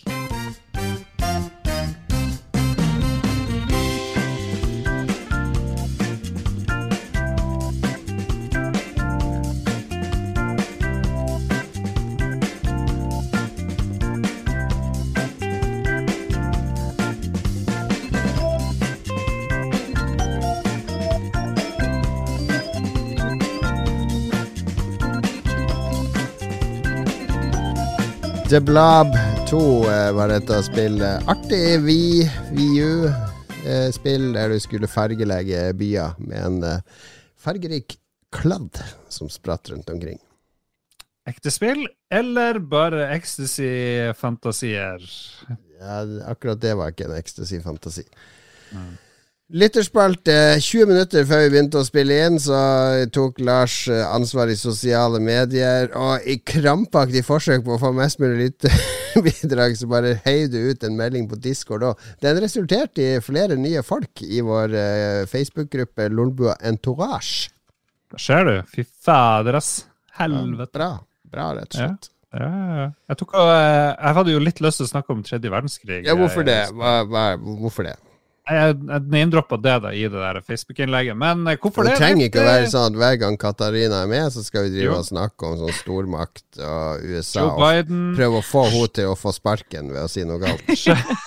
sjefen til Katarina, Joe Biden, står klar til Og Joe Biden som sa det der uh, Yeah, yeah, that's right. That's goddamn son of a bitch. Jeg så et sånn nylig klipp med han. Han kaller en Fox News-reporter for goddamn son of a bitch. Ja, det er kult. Det det er respekt. Han ser så gammel ut, Joe Biden. Ja, ja, han er 1000 år. Blir den første presidenten med rullator, tror du det? Eller som sitter i sånn elektrisk rullestol, for det er mange i USA som kjører rundt i sånne tjukke folk som har hatt 20 Ja. bypass-operasjoner. Så suser de rundt i de rullestolene sine. Hvorfor er det ingen presidenter som er sånn megatjukk? Det lurer jeg på. Det burde vi jo få. Hvem var den siste ordentlig tjukke presidenten? Var det Roosevelt? Taft? Taft? Ja, han, han var jo kjent for å være tjukkeste, Ah. tror jeg. Se her. Er pace Ja, off er med en gang. Ja. Taft William Howard Taft. Høres ut som en sjokolade. Taft-sjokoladen. Han var vel også høyesterettsdommer, var han ikke det? Oi, ja. Farsken hva du ikke, hva du ikke vet. Vi, neste Roffelbua blir amerikanske presidenter spesial, hostet av Katarina, der vi skal innta rollene til ulike amerikanske presidenter og løse verdensproblemer. Skal vi Sånn som de ville gjort det? Yes, Eller? yes, yes, yes. Ja, ja. Vi spiller inn i kveld med Katarina og Jon Cato. Vi, det var litt sånn usikkert hvem det var, så Joakim Strandberg spør 'Hvem er vi?' Uh, og så var det en del eh, debatt der om eh, hvem som er med. Men sånn er det. Så tar jeg han Kosti Eriksen i samme slengen, flygeledervennen vår. Han sier at apropos tredje verdenskrig, han vet jeg vet ikke hvilke våpen tredje verdenskrig vil bli utkjempa med, men fjerde verdenskrig vil bli utkjempet med pinner og steiner. Sitat Albert Einstein. Såpass, ja. Ja, intellektuell bua is back. Det er jo ikke sånn at altså Hvis vi utsletter eh, verden med atombomber, det er jo ikke sånn at f.eks. et jernrør som er en del av eh, grunnmuren til et bygg som er sprengt, det kan jo brekke av det jernrøret og bruke det. Du trenger jo ikke å finne akkurat pinner og steiner, det som naturen har laga. Det vil jo være rester av menneskeheten. Ja, for du ser for deg at det blir sånn fallout-verden, hvor folk har Ja. laserpistoler og sånne ting. Ikke laserpistoler, men mutanter og sånn, det ser jeg for meg. Det. Laserpistoler er veldig upraktisk. det ja. Hvorfor er det upraktisk? Det er jo ikke altså det er jo, Hvis du lager et device som skal sende ut en laserstråle Det er jo ikke en pistol, det er jo en stråle. Det er jo ikke sånn pju, pju, pju. Ifølge Fallout så er det ja. Mm. Fallout f- eh, Vi går videre. Skal jeg ta spørsmål Ja. fra Kristoffer Karlsen? Redd oss fra oss sjøl. Jeg vet ikke. Ja, Kristoffer Karlsen lurer på persienner, lameller eller rullegardiner. Hva i all verden er lameller for noe? Det er de som du Det er sånne som du kan eh, Oi, da, dette er ikke bra podkast, men eh, Katarina er holder sånn- nå handa opp og så prøver å vinke som dronning Sonja. Sånn som kongen. Ja, og rotere hånda. Ja, det er godt forklart. Ja. Ja. Ja, altså det er jo sånne veldig okay, veldig, veldig smale gardiner som du kan snu på øh, og vinkle sånn at det er sånne frynser som henger ned, som du kan rotere. Sånn at de enten eh, er det, Har du sånn masse streker foran vinduet når du ser ut, eh, tynne streker, eller så bare dekker de helt. Ja. Det er lameller. Veldig billedlig forklart.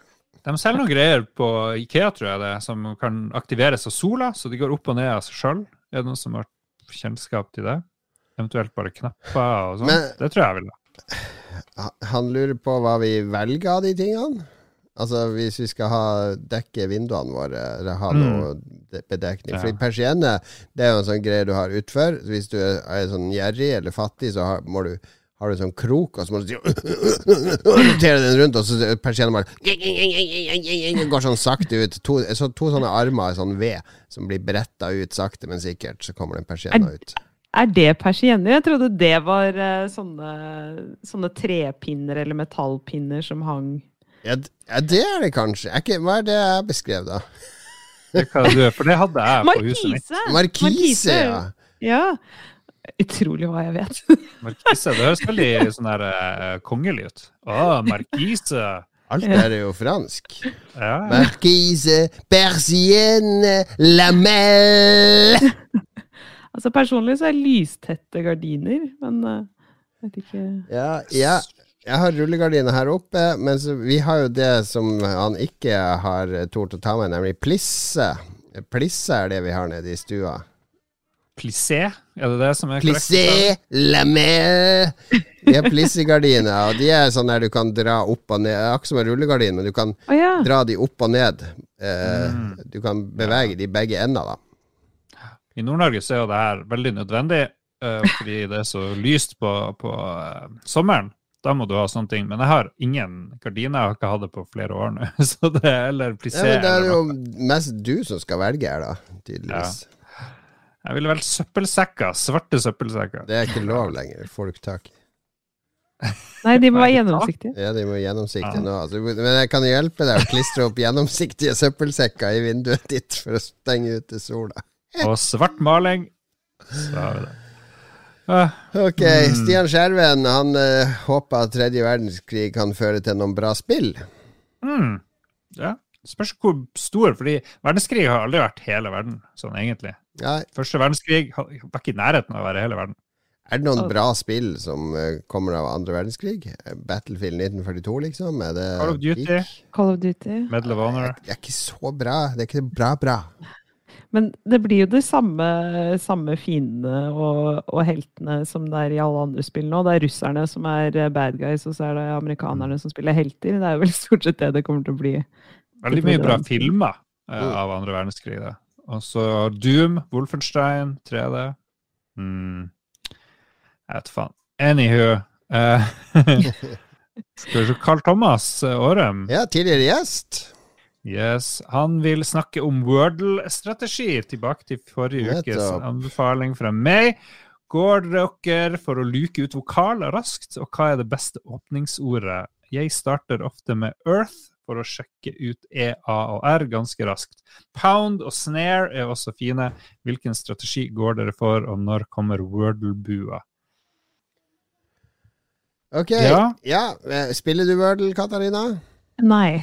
Powerlanguage.co.uk slash Wordle. Kan, hver dag kan du gjette på et ord der. Alle i hele verden får samme ord. Det er sikkert noen Oi. på ambassaden som spiller det òg. Det er ikke en app, det er en nettside. Ja, Viktig nettside. Ja. Eh, Hva er ditt startord, Lars? Eller tar du noe jeg, nytt hver dag? Nytt hver dag. Prøv å ta ikke for mange vokaler, Fordi jeg synes ofte så går jeg tom for vokaler og sitter bare igjen med konsonanter. Og, bare, og så er det ikke sånn Du spiller på hard mode. Hvis du får rett ord på rett plass, så må du bruke det resten av. Eh, Du må bruke bruke de bokstavene du har låst opp. Ja. Ja, fordi hvis du bare får ett, én bokstav i første ord, for du har jo fire, fem, seks, Ja. seks i ett, så da må du Det er jo mye kulere å bruke fem nye bokstaver for å Ja, sjekke det er om easy, easy mode. Ja, det er easy mode, så Ja. det, det gjør jeg. Men eh, det er helt random, ingen taktikk. Men eh, det går greit. Klarte et på to forsøk her i går, eller hva Ja, da? det kan, kan gå. Jeg bruker Jeg brukte brukt eh, Arise, for da har du A, I og E. Jeg vil gjerne finne vokalene med en gang. Noen ganger er det ikke Hvis det ikke er A, I og E med, så må det være O eller U. eh, eller Y. Ikke sant? Du får mye informasjon av det. Altså, jeg har brukt Steer noen gang. S-T-E-A-R, altså Steam. Men uh, Steer er eh, det er flere ord med R. Mm. Det er mine go to-ord, rett og slett. Hva er, skal vi se, Carl Thomas bruker Earth og Pound og Snare. Jeg vet ikke, Hvordan kan vi analysere han? Psykoanalysere han? Pound det er litt sånn seksuelt, ikke sant? Snare det har også med sjekking å gjøre. Ja, og Og- Earth er uh, moder jord. Nekrofili. Ja, nekrofili. On point. On point. Ja, da går vi rett i samlivsspalten. Yes, kjør på. Ja, Joakim Strandberg. Når er det egentlig utro, utroskap på nettet? Når man legger planer med sin fysiske kjæreste, og så bare later som ingenting fordi man skal spille Minecraft. Eller når man fysisk ligger med noen andre.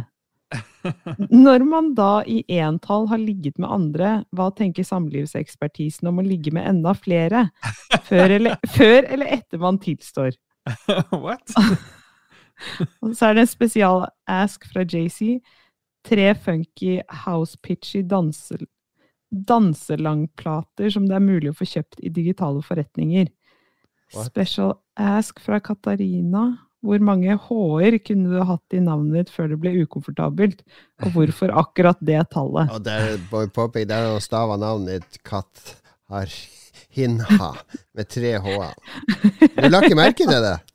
Jo, jo, jeg så det, men jeg okay. tenkte kanskje han bare hadde skrevet feil før jeg begynte å lese resten av, den meldinga. Jeg er usikker Ja. på hva han spør meg om, med de tre funky house pitch i danselangplater som det er mulig å få kjøpt i digitale forretninger. Jeg vet ikke hva han, hva han snakker om.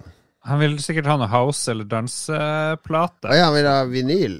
Ja, kanskje. Men som er digitalt Ja, ja. ja men det, altså, jeg, det er veldig sånn uh, jeg Det er jo bare mixtapes som gjelder her. Altså house-mikser. Eh, der jeg skal ta også Jeg kan svare Jeg svarer i tråden her. Jeg, orker, jeg kan ikke svare URL her. Hør på noe fra Solomon. Det gamle greier fra han er bra. Uh, Carl Cox er alltid party, selv om det kanskje er litt forutsigbart. Det er masse, masse bra overalt hele tida. Jeg begynte å google Fatboy Slim, fordi plutselig dukka Fatboy Girl opp, eh, som var en sånn hit i starten av pandemien. Ja, ja, ja. Til Fatboy Slim, og så begynte jeg å høre på han da. Og han har mye morsomt. Han driver og sitter i en bil og er DJ sammen med en sånn her eh, DJ som heter Eats Everything, som er ganske tjukk. Det er litt morsomt. Så er han, har han Eats live-greie Everything med er ganske bra. Han har noen bra sett. Ja, så er han så sånn eh, battle, eller sånn sammen Noe greier med han Carl Cox, i hvert fall. De er i lag på scenen. Mhm. Så har han et veldig fint livesett fra Frankrike, eller noe sånt. Eller en svær konsert, som er ganske kul. Ja. Så det, ja.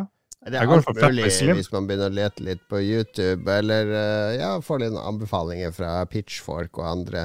Pitchfork bruker jeg, og de har en sånn hver måned de beste DJ-miksene forrige måned, som de linker til. Det er mye eklektisk, men uh, av og til så finner du noen bra host der. Det er litt for mye sært der. Og så var det mye sånn utropskap på nettet. Ja, der Jeg må innrømme, jeg driver jo og er utro på nettet hele tida. Driver og det er- sånn Onlyfans, da, stort sett. Jeg bruker sikkert 1000 kroner i uka på Onlyfans. Så for meg så tenker jeg Og det har jeg aldri sagt til kjæresten min. Så jeg liker best eh, de over 80. Eh, det er en sånn egen over 80 Onlyfans som er veldig bra, hvor de har en sånn her eh, egen greie med stockings. Granny stockings kalles eh, den gruppa der. Så det er, det er mitt svar til Joakim. Jeg er litt usikker på den uh, later som ingenting fordi man skal spille Minecraft. Uh, altså da bare, Har man da på en måte bare valgt å glemme at man har planer med noen? Eller, er det, eller bare ghoster de for kvelden, og så fordi du sitter og spiller Minecraft? At man velger bort kjæresten for et spill, på en måte. Det Er er det ut- utroskap? Nei, det er bare å være dust. ja, det er å være dust. Det kunne man aldri finne på å gjort. Og hvis man først har ligget med noen, skal man da like godt ligge med et par til før man tilstår? Har det noe å si? Så der er Katarina eksperten. Ja. Nei, vet du hva, altså Jeg er kun er ekspert på granny stockings. Det er kun det jeg vil uttale meg om.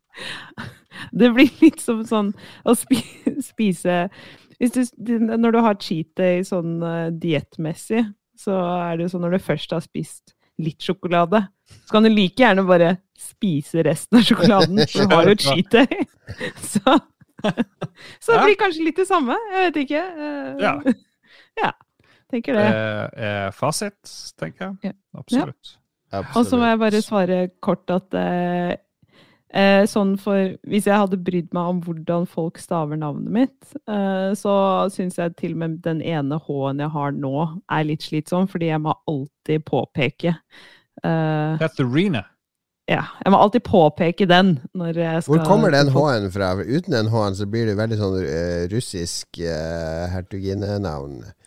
Ja, Hertuginne den- Katarina fra Prøssland. Eh, navnet mitt er fra Katarina Hvitt. Ja. Det var pappa som var i, veldig forelska i Katarina Hvitt, og derfor så fikk jeg det navnet. Nå må vi google Katarina. Hvitt. Ja, jeg er jo skøyte... Ja, ja, ja. Ser du? Jeg ser likheten. The benefits of a classical education. Hun er født i en by som heter Staken. Oi, det var artig. Hvem var han? Det var han Staken eh, var han som lærte oss å kopiere spill på PlayStation 1. ja, ja. PlayStation-mann. Og så er jeg hun hun er medlem av uh, Sosialistiske Einheitspartei Deutschland, et marxist-leninistisk parti. Hmm, Der ser du. Det forklarer mye. Eller ikke. Eller ikke. Men ellers så kunne jeg nok sikkert hatt fire, sånn som han har eh, stavet navnet mitt der, pluss en ekstra H etter den siste A-en. Hadde vært fint. Hadde, vært, hadde gjort seg. Mm. Så fire er, er svaret. Ja. Thomas- Uttaler man Ja. Ja. Nei, jeg bare fortsetter. Thomas W. Holmedal lurer på Det her burde egentlig bror din svare på, eh, Lars. For nå er det flere svensker som stemmer ja, enn de som stemmer nei til Nato. Bør Sverige bli med i Nato?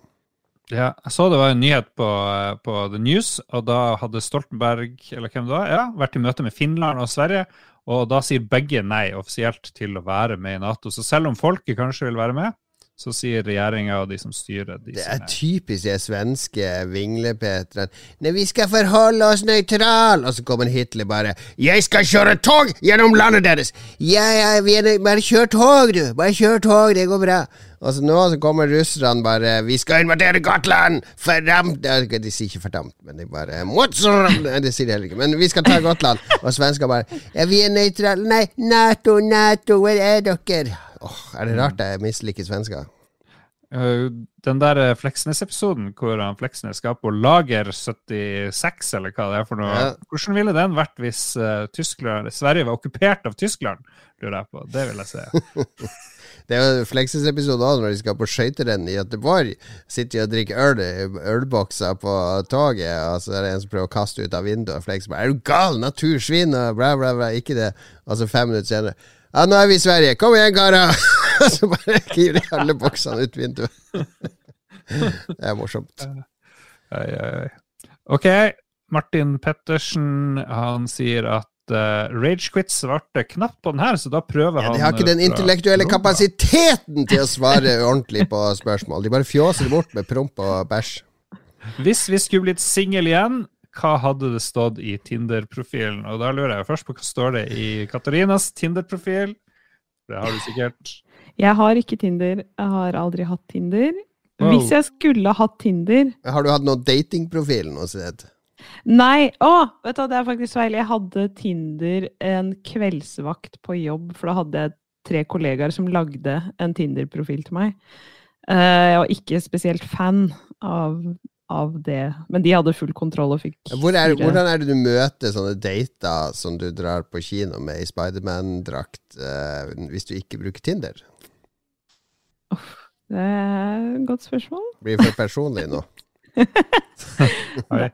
Nei, eh, nei det blir jo blir gjennom jobb og sånt, da. Ja. Ja. Det er jo en klassiker. Jobb, kor. Um, Kor. Ja. ja. Mye kor. Ja. Eh, butikken, når vi begge to tilfeldig griper den samme bananen, og så Ja, sier det skjer ofte. Så ser vi på hverandre, og så Ja. sånn, skal vi ta en kaffe. Han, han sier når du tar borti bananen, sier han 'Would you like to know more?' vil han si. Nei, så Jehovas vitner som kommer på døra. Altså, det er mange muligheter, da. Eh, Det er det. Hvis man bare er åpen for dem.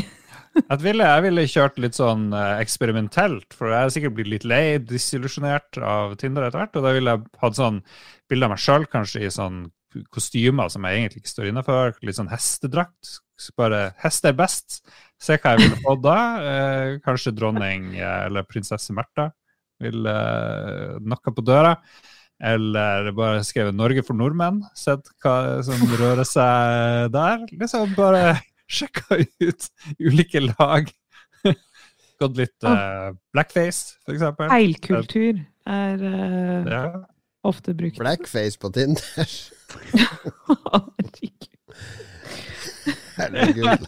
Det er I hvert fall komiske forslag, kanskje. Alt for å bli lagt merke til. Narsissist ja. Tinder er det vel en fordel å være litt narsissist. Jeg tror det. Ja. Jeg tror kanskje i profilen min så tror jeg det ville stått noe som at uh, Søker noen å være asosial med. Uh, Den er fin. for det Ja. Jeg er ikke så glad i folk, men ja. Det er fint. Klarer ikke å jeg la være. Nei, jeg tror ikke må jeg, så må jeg. Jeg vet ikke.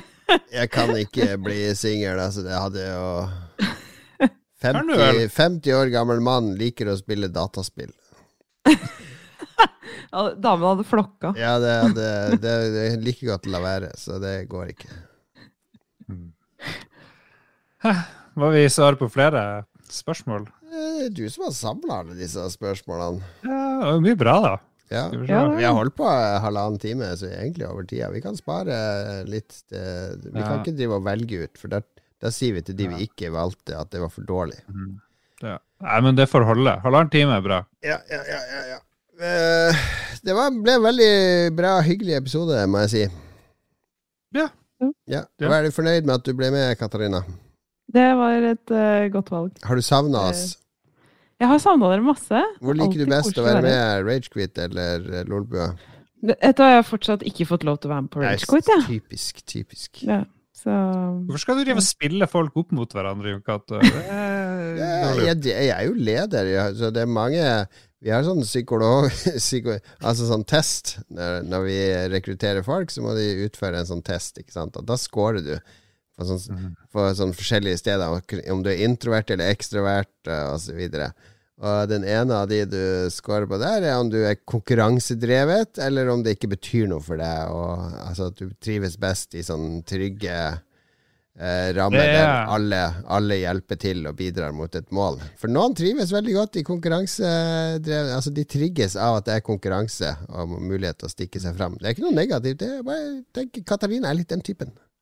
Det er en ganske dårlig dokumentar på HBO jeg satt på, som handler om personlighetstester, og hvordan de første ble lagd av Man tror det er det, Den heter sånn Martin Briggs og, eller et eller annet. Man tror det er to sånne vitenskapsmenn, men det er, det er, det er mor og datter som fant det på i sånn 50-tallet eller et eller annet, bare dikta opp masse kategorier for folk hvordan det er, og så har resten av verden fulgt med. Og så tror man at folk hører hjemme i masse kategorier, men det er, det er jo ikke sikkert at det har så mye for seg, egentlig. Ja, men når jeg fikk jobb der, så det ble, jeg, jeg gjorde jo den personlighetstesten, jeg.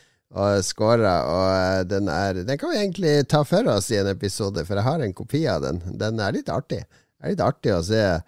Eh, Jeg har jo alltid trodd jeg var introvert, men jeg er jo egentlig veldig ekstrovert. Altså, jeg får jo egentlig veldig mye energi av mennesker og være sammen med mennesker. Det har jeg aldri trodd. Jeg hater jo mennesker, jeg trodd. Men egentlig så elsker jeg de. Akkurat som Lolbua-lytterne. Ja, de hater jeg. Neida, jeg elsker de, og og spesielt de som er produsenter, Lars. Ja, Holy meloni det er jo selvfølgelig uh, Skal vi se, hvor er lista? Der. Anne Beth. Dronning Annebeth, Den eh, eneste og beste kvinnen som er produsent. Krall Nord, i motsetning til Krall Sør. Uh, Duke Jarlsberg. Gøran Helge Nilsen. Kenneth Kobrakar 84. Onkel Stian. Onkel Stian. Er det noe som kjenner er det? Uh, Stian Skjerven. Stian uh, Min gamle venn Stian Labba. Stian Skjerven han ba pent om at vi ikke skulle si etternavnet hans. Shant59 og TTMXMP. Tusen takk til alle patrions, alle som hører på. Som du ser, har jeg sittet i alfabetisk rekkefølge nå, Lars, for jeg var rydda litt i Patrion. Alle Patrion som er produsenter, eller på Sweppertier, eh, eller over den, eh, dere får gave nå i februar. Gavene kommer i februar. Eh, kanskje trenger jeg litt hjelp til å pakke og sende ut som sist, Katarina. At vi tar litt Yay! pizza og kos her hjemme, sånn som Netflix and chill, er det det det heter? Ja, vet du hva? Jeg skjønte ikke hva Netflix and chill betydde før, for noen uker siden, når noen forklarte. Jeg trodde det bare var å se på Netflix og chille. Så ute er jeg. Jeg klarer meg ikke på Tinder. Du kan ikke ha Tinder. Jeg kan ikke gå på Tinder. Du bruker å skrive sånn eh, når noen dør, så sender du en LOL. Lots of love. Så, Men skal du leache gaver fra oss, så er tida nå for å oppgradere det til Swapper, og så kan du gå ned til den der kjipe éndollaren rett etterpå. Sånn, så jeg vet hvem dere er. Eh, men de som var på Svapper ganske lenge i, for, i fjor, og så fikk de aldri noen gave for dem det de som har vært lenge, de får litt ekstra alltid hver gang. Putter litt Ja. ekstra oppi til de. Så, så det, det, det er rewarding å være lojal. Okay. Og det var det. Som i andre verdenskrig. Gled dere. Det er en kjempegave. Det beste vi har hatt noen gang. Og med tonene fra Baba Is You i bakgrunnen, så sier jeg takk for nok en fortreffelig episode. Vi høres igjen om en uke. Takk, Katarina. Takk, Lars. Og takk til meg sjøl, selveste sjefen. Den store, det store idolet i Lolbua.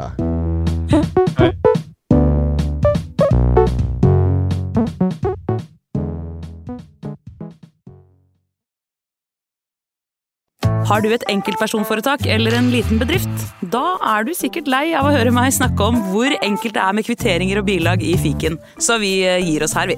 Fordi vi liker enkelt. Fiken superenkelt regnskap.